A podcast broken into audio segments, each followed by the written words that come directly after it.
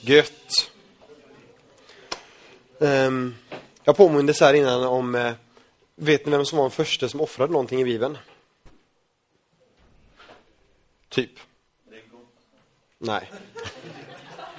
Adam och Eva syndade.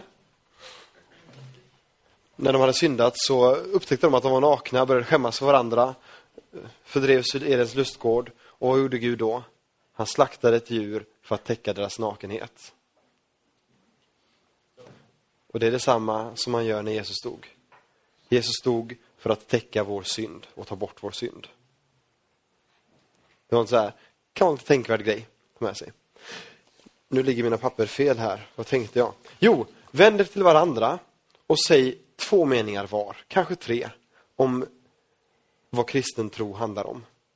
Om kristen tro på Jesus. Två eller tre meningar var till varandra. Två och två. Nu.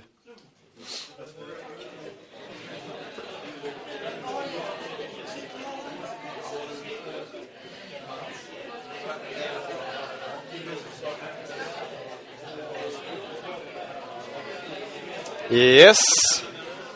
Då kan ni lyssna på mig igen. Kan ni lyssna på mig igen? God dag allihop. God dag, hallå! Nu har ni nog hunnit säga två till tre meningar var till varandra. Då är min fråga, i hur, det här är inte för att kolla något betyg eller något sånt där, utan det är bara intressant. Två, tre meningar hinner man inte säga speciellt mycket. Men i hur många av de här grupperna han ordet synd nämnas? Upp med en hand. Så kollar vi lite grann. Några enstaka av grupperna. kan vara intressant att kolla. Synd. I alla fall. Jag ska under det här passet tala lite grann om vad synd är. Och jag vill börja med att nämna en liten checklista som jag ibland eh, använder för att se, är detta synd, detta synd eller detta synd? Så här. En checklista på fyra punkter. Antecknar du så kan du skriva ner dem. Om det lyser rött på någon av de här punkterna så ska man lite grann reagera. Men när man funderar på, är detta synd?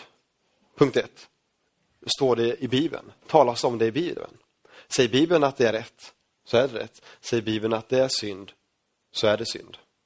Så säger Bibeln att det är synd, så tips, gör inte det. Check nummer två.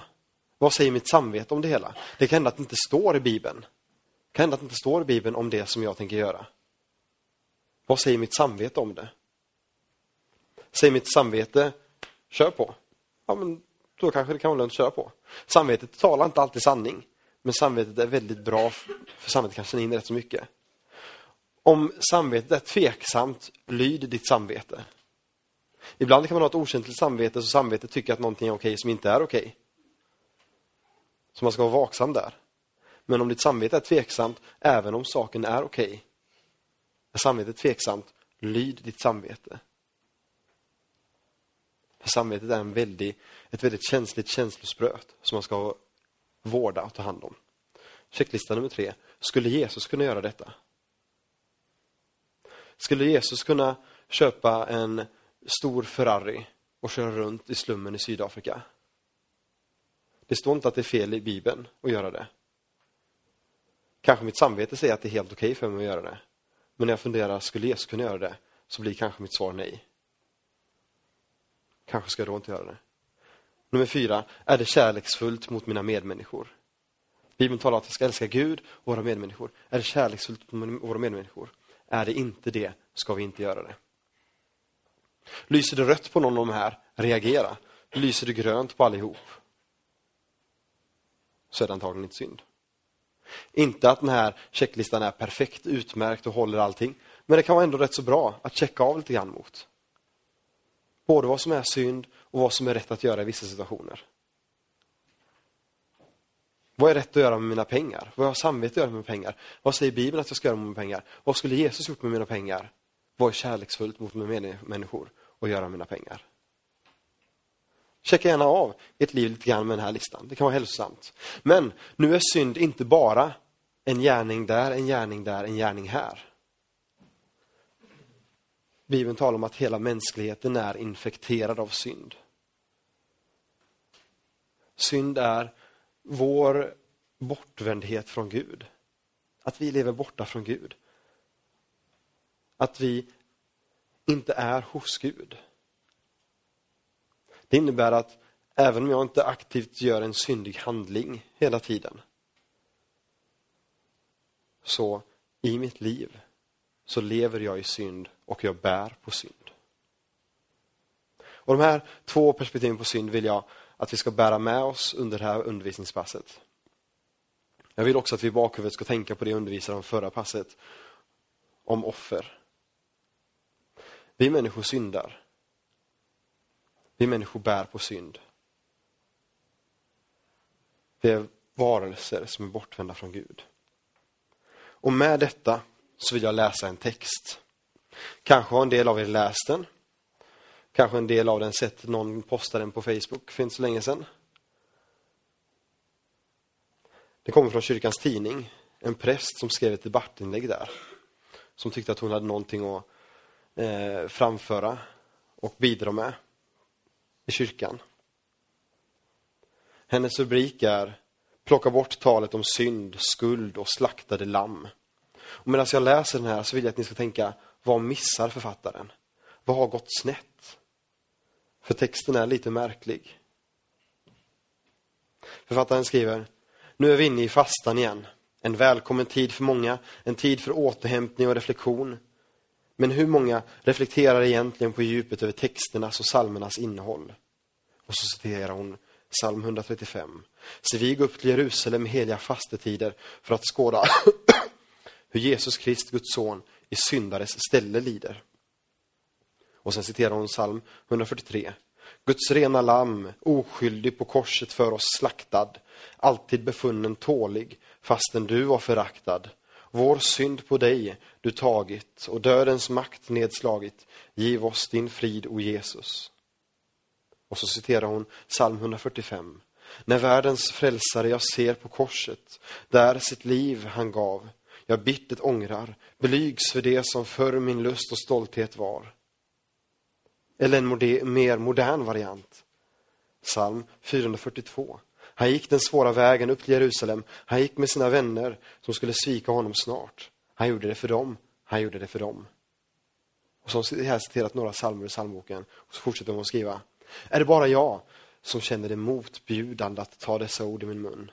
Den gudsbild och den människosyn som avbildas är förfärlig och grotesk. En fallen skapelse, ett syndigt människosläkte vars Gud de tillber är som en diktator från Nordafrika eller Mellanöstern som kräver ett människooffer för att försonas med sitt folk. Är det ingen människa som undrar över detta i kyrkan? Jag förstår att människor utanför kyrkan inte bryr sig eftersom det är en så verklighetsfrämmande världsbild i ett modernt sekulariserat land som förmedlas. Men det måste väl finnas någon människa som funderar över detta är det inte dags att vi i kyrkan börjar tala om människor i utveckling istället? Det finns ingen fallen skapelse, säger hon. Det finns ingen fallen skapelse. Därför blir hela försoningsläran orimlig. Plocka bort allt tal om synd, skuld, skam, blod, slaktad lamm och annat förfärligt. Det hör inte hemma i modern tid bland upplysta människor. Det finns ingen fallen skapelse. Jag kommer snart fortsätta läsa färdigt. Men bara så här, det finns ingen fallen skapelse. Borde det inte vara uppenbart för alla som lite grann ser sig om i världen att om den här skapelsen inte är fallen utan en perfekt värld som Gud skapat, då har vi en lite märklig Gud. Borde det inte vara uppenbart för alla som ser ut i den här världen, ser det som händer, att vi lever i en fallen skapelse. I alla fall, det hon deklarerar är, det finns ingen fallen skapelse. Plocka bort allt tal om synd. Tala istället om kärlek. Kärlek till medmänniskor, kärlek till det egna jaget, barmhärtighet, godhet, medmänsklighet, frihet, yttrandefrihet, jämlikhet, mod, självkänsla, självförtroende, upprättelse och kärlek igen. Det är vad världen behöver. Det kräver förstås ett stort och omfattande arbete i att formulera nya psalmtexter, nya gudstjänstordningar och annat. Men det kan vara det värt, men det kan det vara värt i slutändan. Och så signerar hon med sitt namn. Och detta är skriven som en debattartikel i kyrkans tidning. Vad är det som är snett? Och vi behöver inte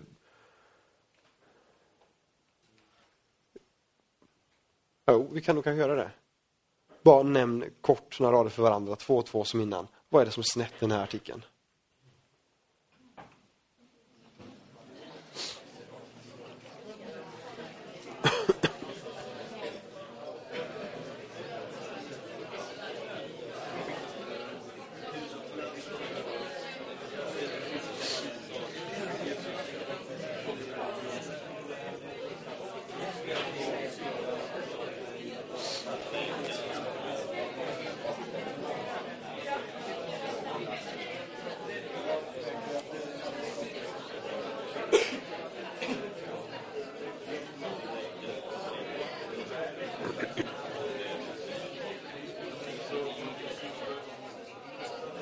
Yes. Vi stannar där.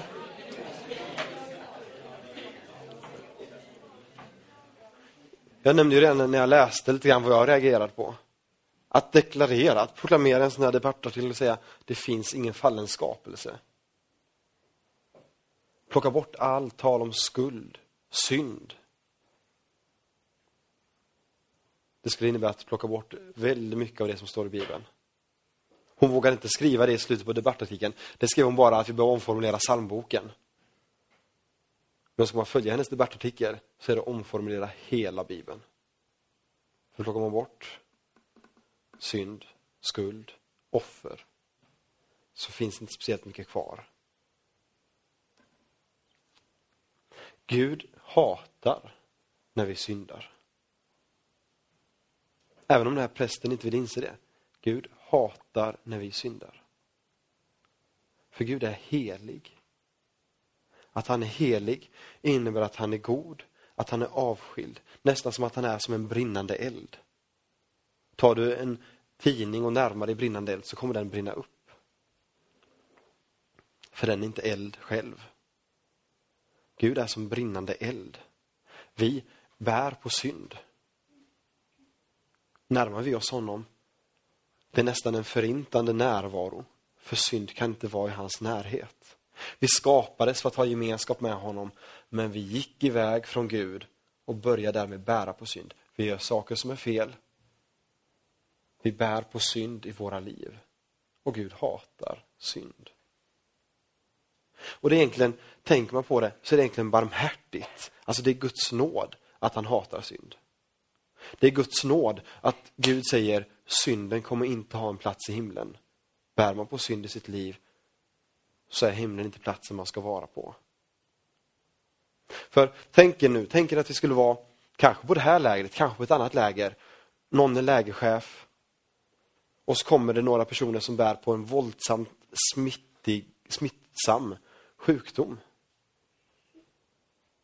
De vill komma med in på lägret och säger att vi bär på en våldsamt smittsam sjukdom.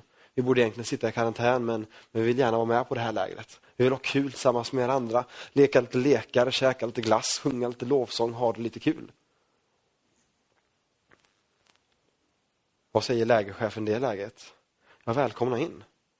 Vi har ungefär 60-70 deltagare här.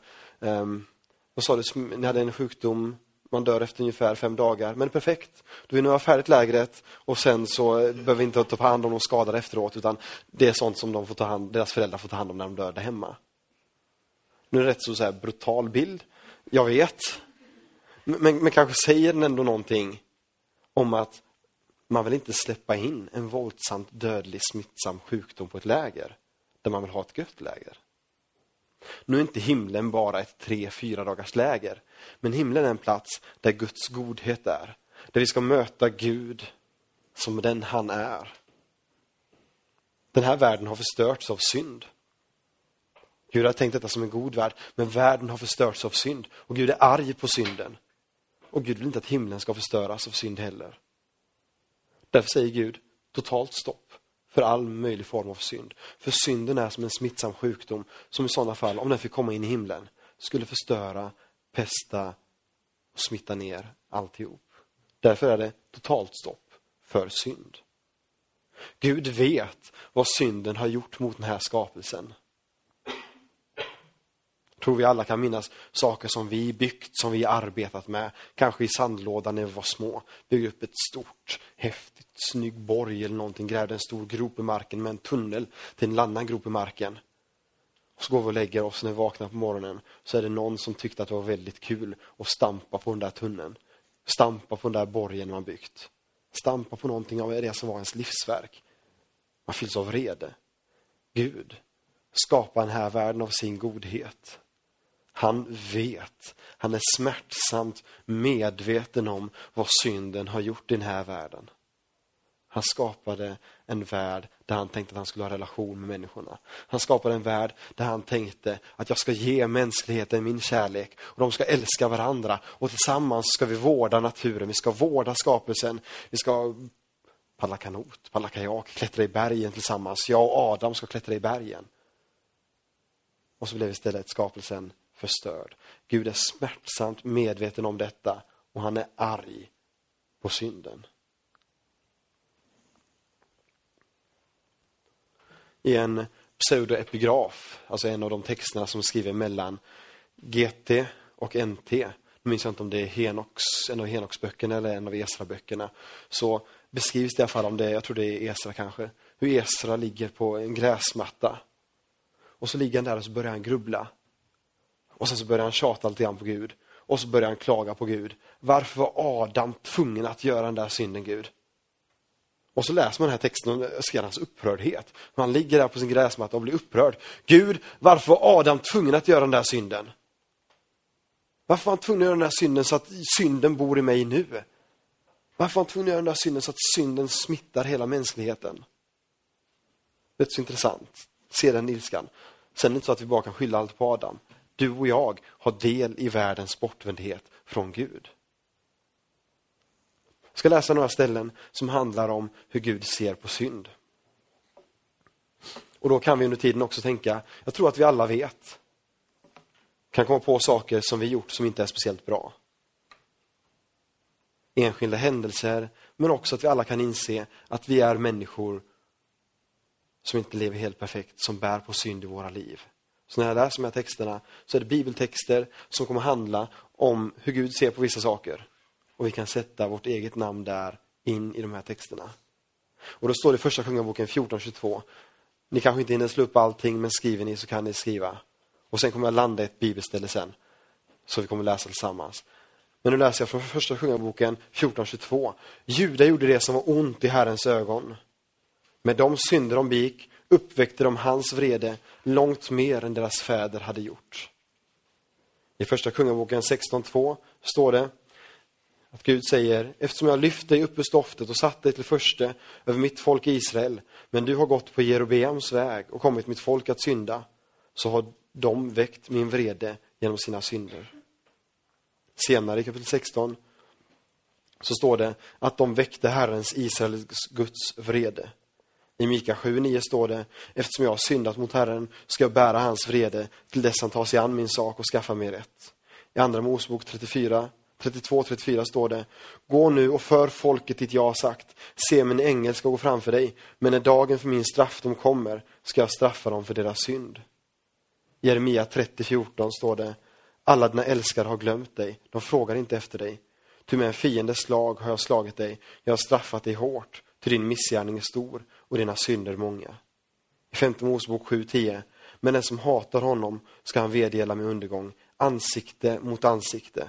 Han ska inte tveka när det gäller de som hatar honom. Ansikte mot ansikte ska han vedergälla dem. Jeremia 44.4 Jag har sänt till er mina tjänare profeterna. Jag har sänt dem gång på gång och sagt Gör inte dessa avskyvärda ting som jag hatar. I Amos 5.21 säger Gud Jag hatar era fester, jag föraktar dem, jag tål inte era högtider.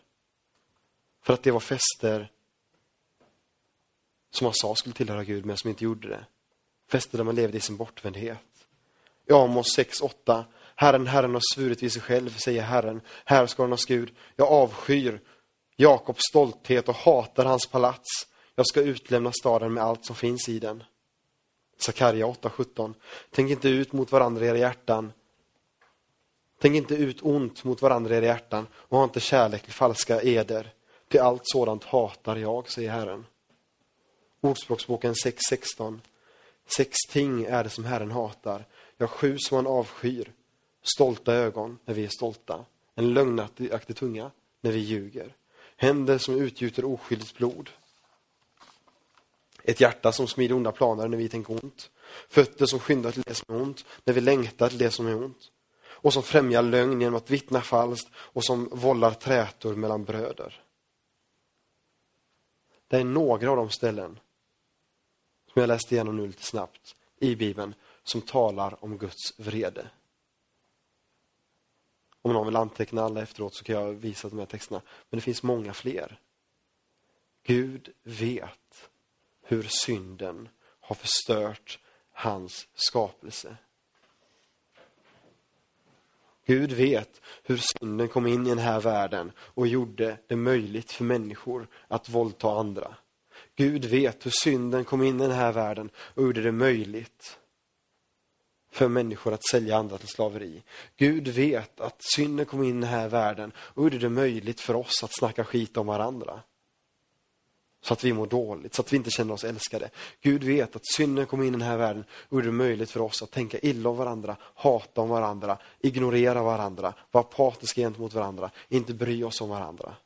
Gud vet att synden kom in i den här världen och gjorde att vi vände bort från honom. Gud vet att han skapade oss för att ha en relation med honom, för att vi skulle vara nära honom. Och att det är synden som skapar den klyftan. Gud är stor. Han är så stor och han är så god att han inte gillar synd. Synden har förstört för oss i våra liv. Om Gud skulle acceptera synd, gilla synd, det hade inte varit speciellt schysst mot oss. Gud är god som avskyr synden och det synden har gjort. Gud är stor och han reagerar kraftfullt mot synden. Han beskrivs faktiskt som en fruktansvärd Gud. Dels en Gud som är värd att frukta. En Gud som är värd att ha respekt för. En Gud som är värd att vörda. Som är värd att lyfta upp. En Gud som är stor. Gud vill vara vår vän. Men han är också majestätiskt mäktig och stor. Om någon stor president eller någon verkligt stor kändis skulle komma in här så skulle vi nog ändra på vårt beteende lite grann. Man kan inte skämta hur som helst inför alla. Gud är stor. I tredje Mosebok, jag ska säga detta först också. I Bibeln så beskrivs människor ofta som glada då de få bönesvar från Gud. Men de människor som har tydligast gudsmöten, deras reaktion, finns säkert en glädje där också, men deras reaktion är ofta Ve mig, jag förgås. När Jesaja ser Gud så inser han sin egen synd. När Petrus inser vem Gud är så säger han till Jesus, försvinn från mig, jag klarar inte av det här. De människor med starkast, tydligast gudsupplevelse i Bibeln reagerar ofta på det sättet. De faller ner i sin egen litenhet för de inser hur stor Gud är. Nu ska jag läsa från femte Mosebok kapitel 7. Gud säger, du ska inte vara förskräckt för dem. Till Herren din Gud är mitt ibland dig en stor och fruktansvärd Gud. Psaltaren 47, 3 säger, till Herren den högste är fruktansvärd, en stor konung över hela jorden. Hebreerbrevet 10.27 säger Sefania 2.11 säger Fruktansvärd ska Herren vara mot dem. Han ska förgöra alla jordens gudar och alla folkens kustländer ska tillbe honom, varje folk på sin ort. Alltså jag tror att vi behöver inse att synden är någonting som gör Gud arg. Synden är någonting som gör Gud arg. Sakaria 8.17 säger Tänk inte ut ont mot varandra i era hjärtan och ha inte kärlek till falska eder, för allt sådant hatar jag. Och Gud vill också att vi ska vara arga på synden. Han vill också att vi ska reagera mot orättvisorna i världen. Han vill att vi ska reagera mot det som är synd. Bortvändheten från Gud. Ordspråksboken 8.13 säger att frukta Herren är att hata det onda, högfärd, högmod och ett ont leverne och en falsk mun. Det hatar jag. Det viktiga att minnas i det här är att Gud älskar alla personer, men han hatar synden. Vi är Guds skapelse som Gud bryr sig så mycket om. Han bryr sig om dig, men han hatar synden. Synden förstör. Gud bryr sig om dig, han älskar dig, men han hatar synden. Jag kan ibland bli irriterad över när någon varit inne på mitt rum när jag är borta och råkat stöta till en hög med papper som jag har på mitt rum. Jag kan bli jättearg när folk inte gör det som de lovat att de ska göra. Det är sådana små saker. Jag blir arg över dem. Och ofta gäller de här små sakerna sånt som gäller mig själv. Mer sällan är jag arg över orättvisorna i världen, över synd som finns i världen. Gud är arg på synden, för synden har förstört det han älskar. Gud ser på mänskligheten. Han ser vad synden har ställt till med. Jag tror vi alla kan inse detta, att vi lever i en fallen skapelse. Synden är också det som ställt till med sjukdom som finns i världen. Synden har förstört det som Gud har tänkt så mycket gott om. Det finns anledning för Gud att vara arg. Andra Mosebok 34.14 beskriver Gud som en nitälskande Gud. Alltså en som älskar nitiskt. Synden har förstört hans skapelse, det fina han gjorde. Synden skadar hans älskade människor. Så anledningen till att Gud är arg på synd är att det skadar oss. Och det skadar honom. Det skadar oss och det sårar honom. Synden tar hans skapelse ifrån honom. Jag tror det är viktigt att förstå de känslorna som Gud har gentemot synd. Det är ingenting vi lätt kan vifta bort. Hade vi lätt kunnat vifta bort synden så hade inte Gud behövt sända sin egen son för att dö och ta synden i sig för att du och jag ska slippa bära synden. Hade synden varit någonting vi bara kan vifta bort så hade inte det behövt hända. Nu är synden någonting allvarligt. Vi har alla syndat. Och vi sårar alla Gud genom vår synd. Jag antar att vi är några här, kanske många, antagligen många, kanske alla, antagligen alla, som någon gång varit kär i någon som inte varit kär tillbaka. Eller som någon gång blivit svikna av någon.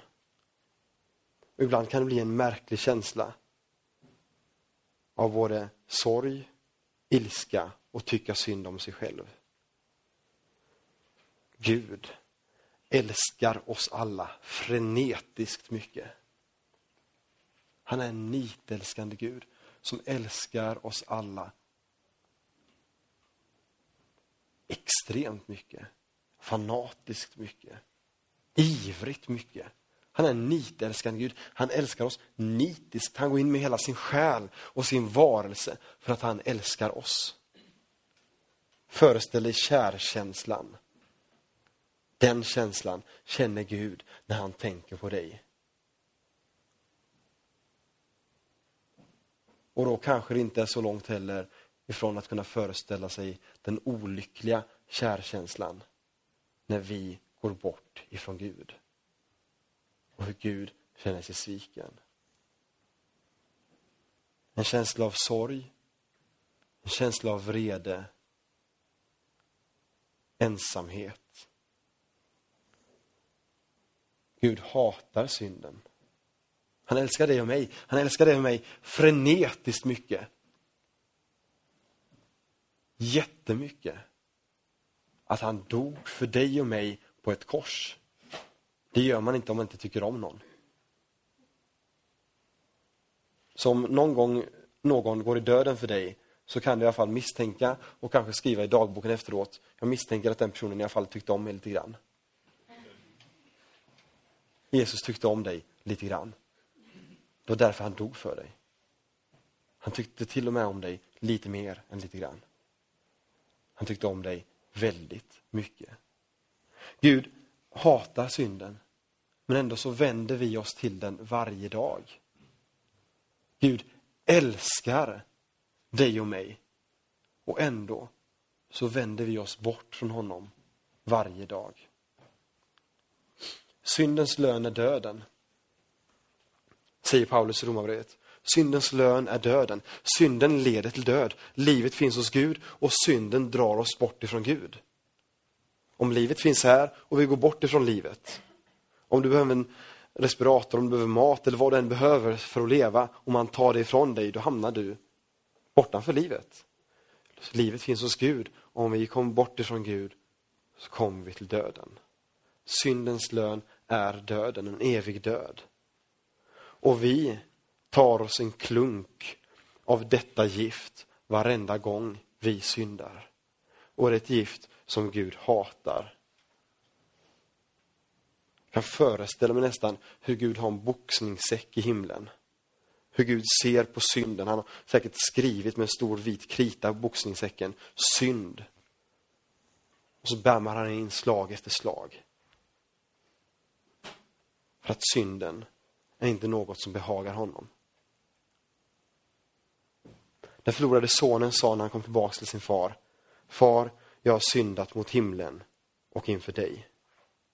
Salmisten i Psaltaren 51.6 ropar ut, det är mot dig jag har syndat och gjort det som är ont i dina ögon. Guds vrede över synden borde vara en väckarklocka för oss. Det är ett tecken på hans godhet, en förebild för hur vi ska bemöta synd. Synden förstör, den förstör våra liv. Den förstör många ungdomars liv. Den förstör många vuxnas liv. Synden förpestar tillvaro, sprider konflikter, sprider depression, sprider ensamhet. Syndens inflytande. Det är inte synd allt detta, men inflytandet av det onda i världen. Och Gud hatar det onda i världen. Och salmisten Psaltaren 51, 12 ber, skapa i mig Gud ett rent hjärta. Han vet att det här onda har befläckat honom. Han behöver bli fri från det. Skapa i mig Gud ett rent hjärta, låt mig bli fri från det. På hebreiska så ber han, lev tahor beral Elohim. Om man jämför med skapelseberättelsen så lyder det där Bereshit bara Elohim, etashemim och etarets. Gud skapa i mig, lev tahor bera. Ordet bara är ett ord som används enbart när det är Gud som skapar.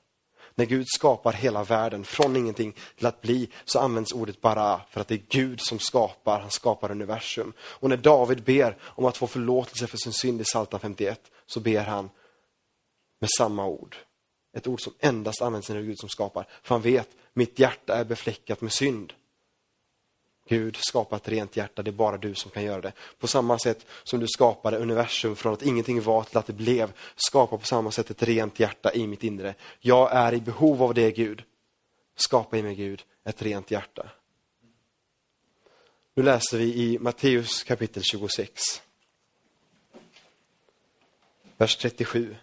Efter att de hade ätit nattvarden innan Jesus döms till döden, så gick Jesus till Getsemane för att be. Getsemane, det betyder olivpress. Det står här att Jesus bad tre gånger och vi läser det kort. Matteus kapitel 27, vers 37.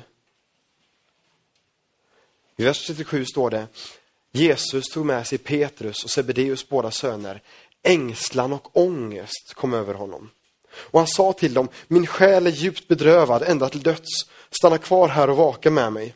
Och han gick lite längre bort, föll ner på ansiktet och bad, min far, om det är möjligt, låt denna kalk gå ifrån mig, men inte som jag vill, utan som du vill.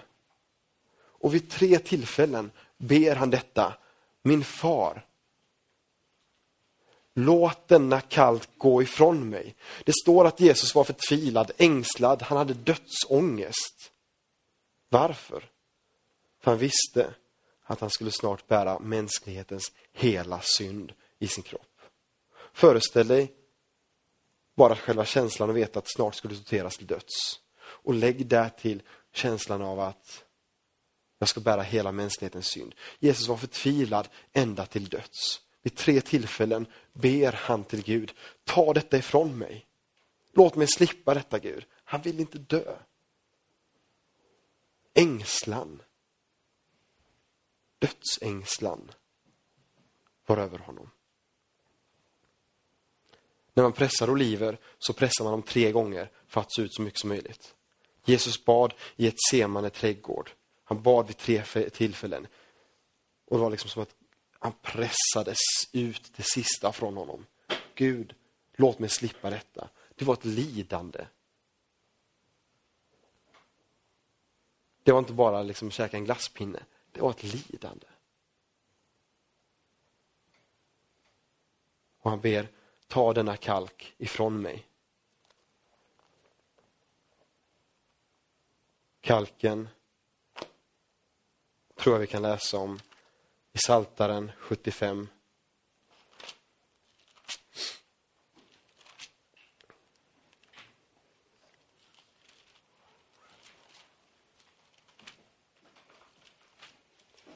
I vers 9, där det står, vers 8 först, sen vers 9. Nej, Gud är den som dömer. Den ene böjer han ner, den andra reser han upp. Ty Herrens hand är en bägare, den skummar av vin, den är full av tillblandad dryck och han häller upp.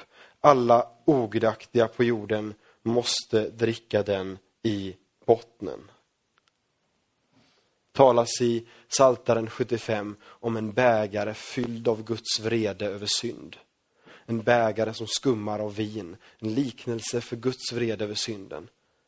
För Gud är arg på synden.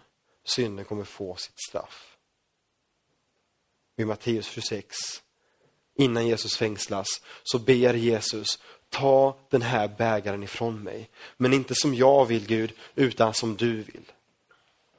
Synden måste få ett straff. Jesus gjorde Guds vilja. Drack vredens bägare med botten upp. Och all vrede mot syndens boxningssäck som egentligen borde drabbat oss drabbade Jesus när han dog på korset. Som ett syndoffer överfördes all synd till honom och han dog i ditt och mitt ställe. Gud blir som båda parterna i ett avtal. Den som tar emot betalningen för synden och den som betalar för synden. Jesus drack vredens bägare, botten upp.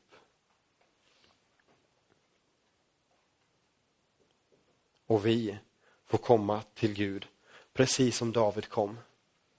Med en insikt om att synden är inget trevligt. Synden är någonting som förstört mänskligheten. Jag tror Gud ser med tårar på den situation som ofta är. Hur synden förgiftar våra liv, vårt samhälle. Och samtidigt ser han på, på oss med glädje för att han älskar oss. Och när Jesus gick mot Golgata så bar hans syndens giftiga klunkar i sin kropp. Han bar syndens konsekvens. Han bar det straffet som ett syndoffer. Som försoningslammet på försoningsdagen. För din och min skull. Och all den vrede som jag läste om i början på det här passet. Om hur Gud faktiskt reagerar starkt emot synd. För synd är inget bra. All det, allt det drabbade Jesus. Därför kan vi med frimodighet bekänna till Gud vår synd. Och säga till honom att jag bekänner inför dig, helig och barmhärtige Gud, att jag ofta och på många sätt har syndat med tankar, ord och gärningar. Så får vi komma inför Gud. Och Gud som är barmhärtig säger till oss, jag förlåter dig. Jag förlåter dig mitt älskade barn. För han har tagit straffet på sig själv. Det här är värt att vara glad över. Det här är värt att reflektera över. Det här är värt att också vara en smula allvarlig över. För du och jag är därmed orsaken till att Jesus dog på korset. Det är värt att be Gud om förlåtelse. För att vi skickade honom i döden.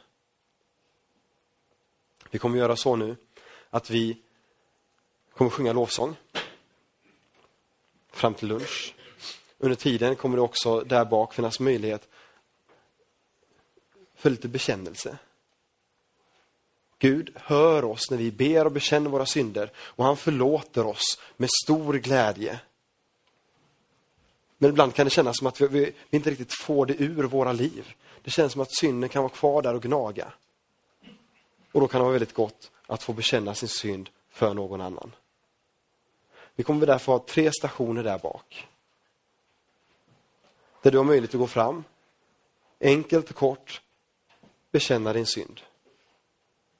Vi kommer läsa från ett bibelord som talar om att du är förlåten och du är fri. Och så kommer vi kort välsigna dig.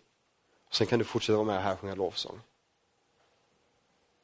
Ett ljuvligt och gott tillfälle. Bibeln talar om att bekänna synder tillsammans för varandra.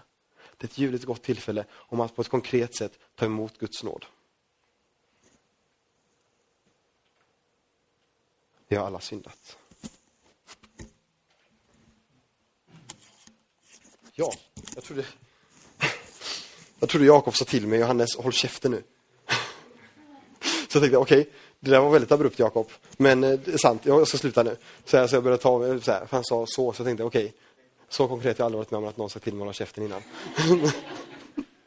men okej, okay, nu förstår jag vad han menar. Det var inte det att jag skulle ha käften, utan det att vi håller käften. Alltså det vill säga, allt som sägs där stannar till den du säger det till. Det är en person du säger det till, det kommer inte sprida vidare till någon annan. Det stannar, som Jakob sa innan på ledarsamlingen, till 110 procent till den ni bekänner er till. Vi har alla syndat, så det är inte något märkligt att gå fram och bekänna sina synder på det här sättet. Vi har alla syndat. På ett konkret sätt får vi ta emot Guds nåd. Välkommen fram.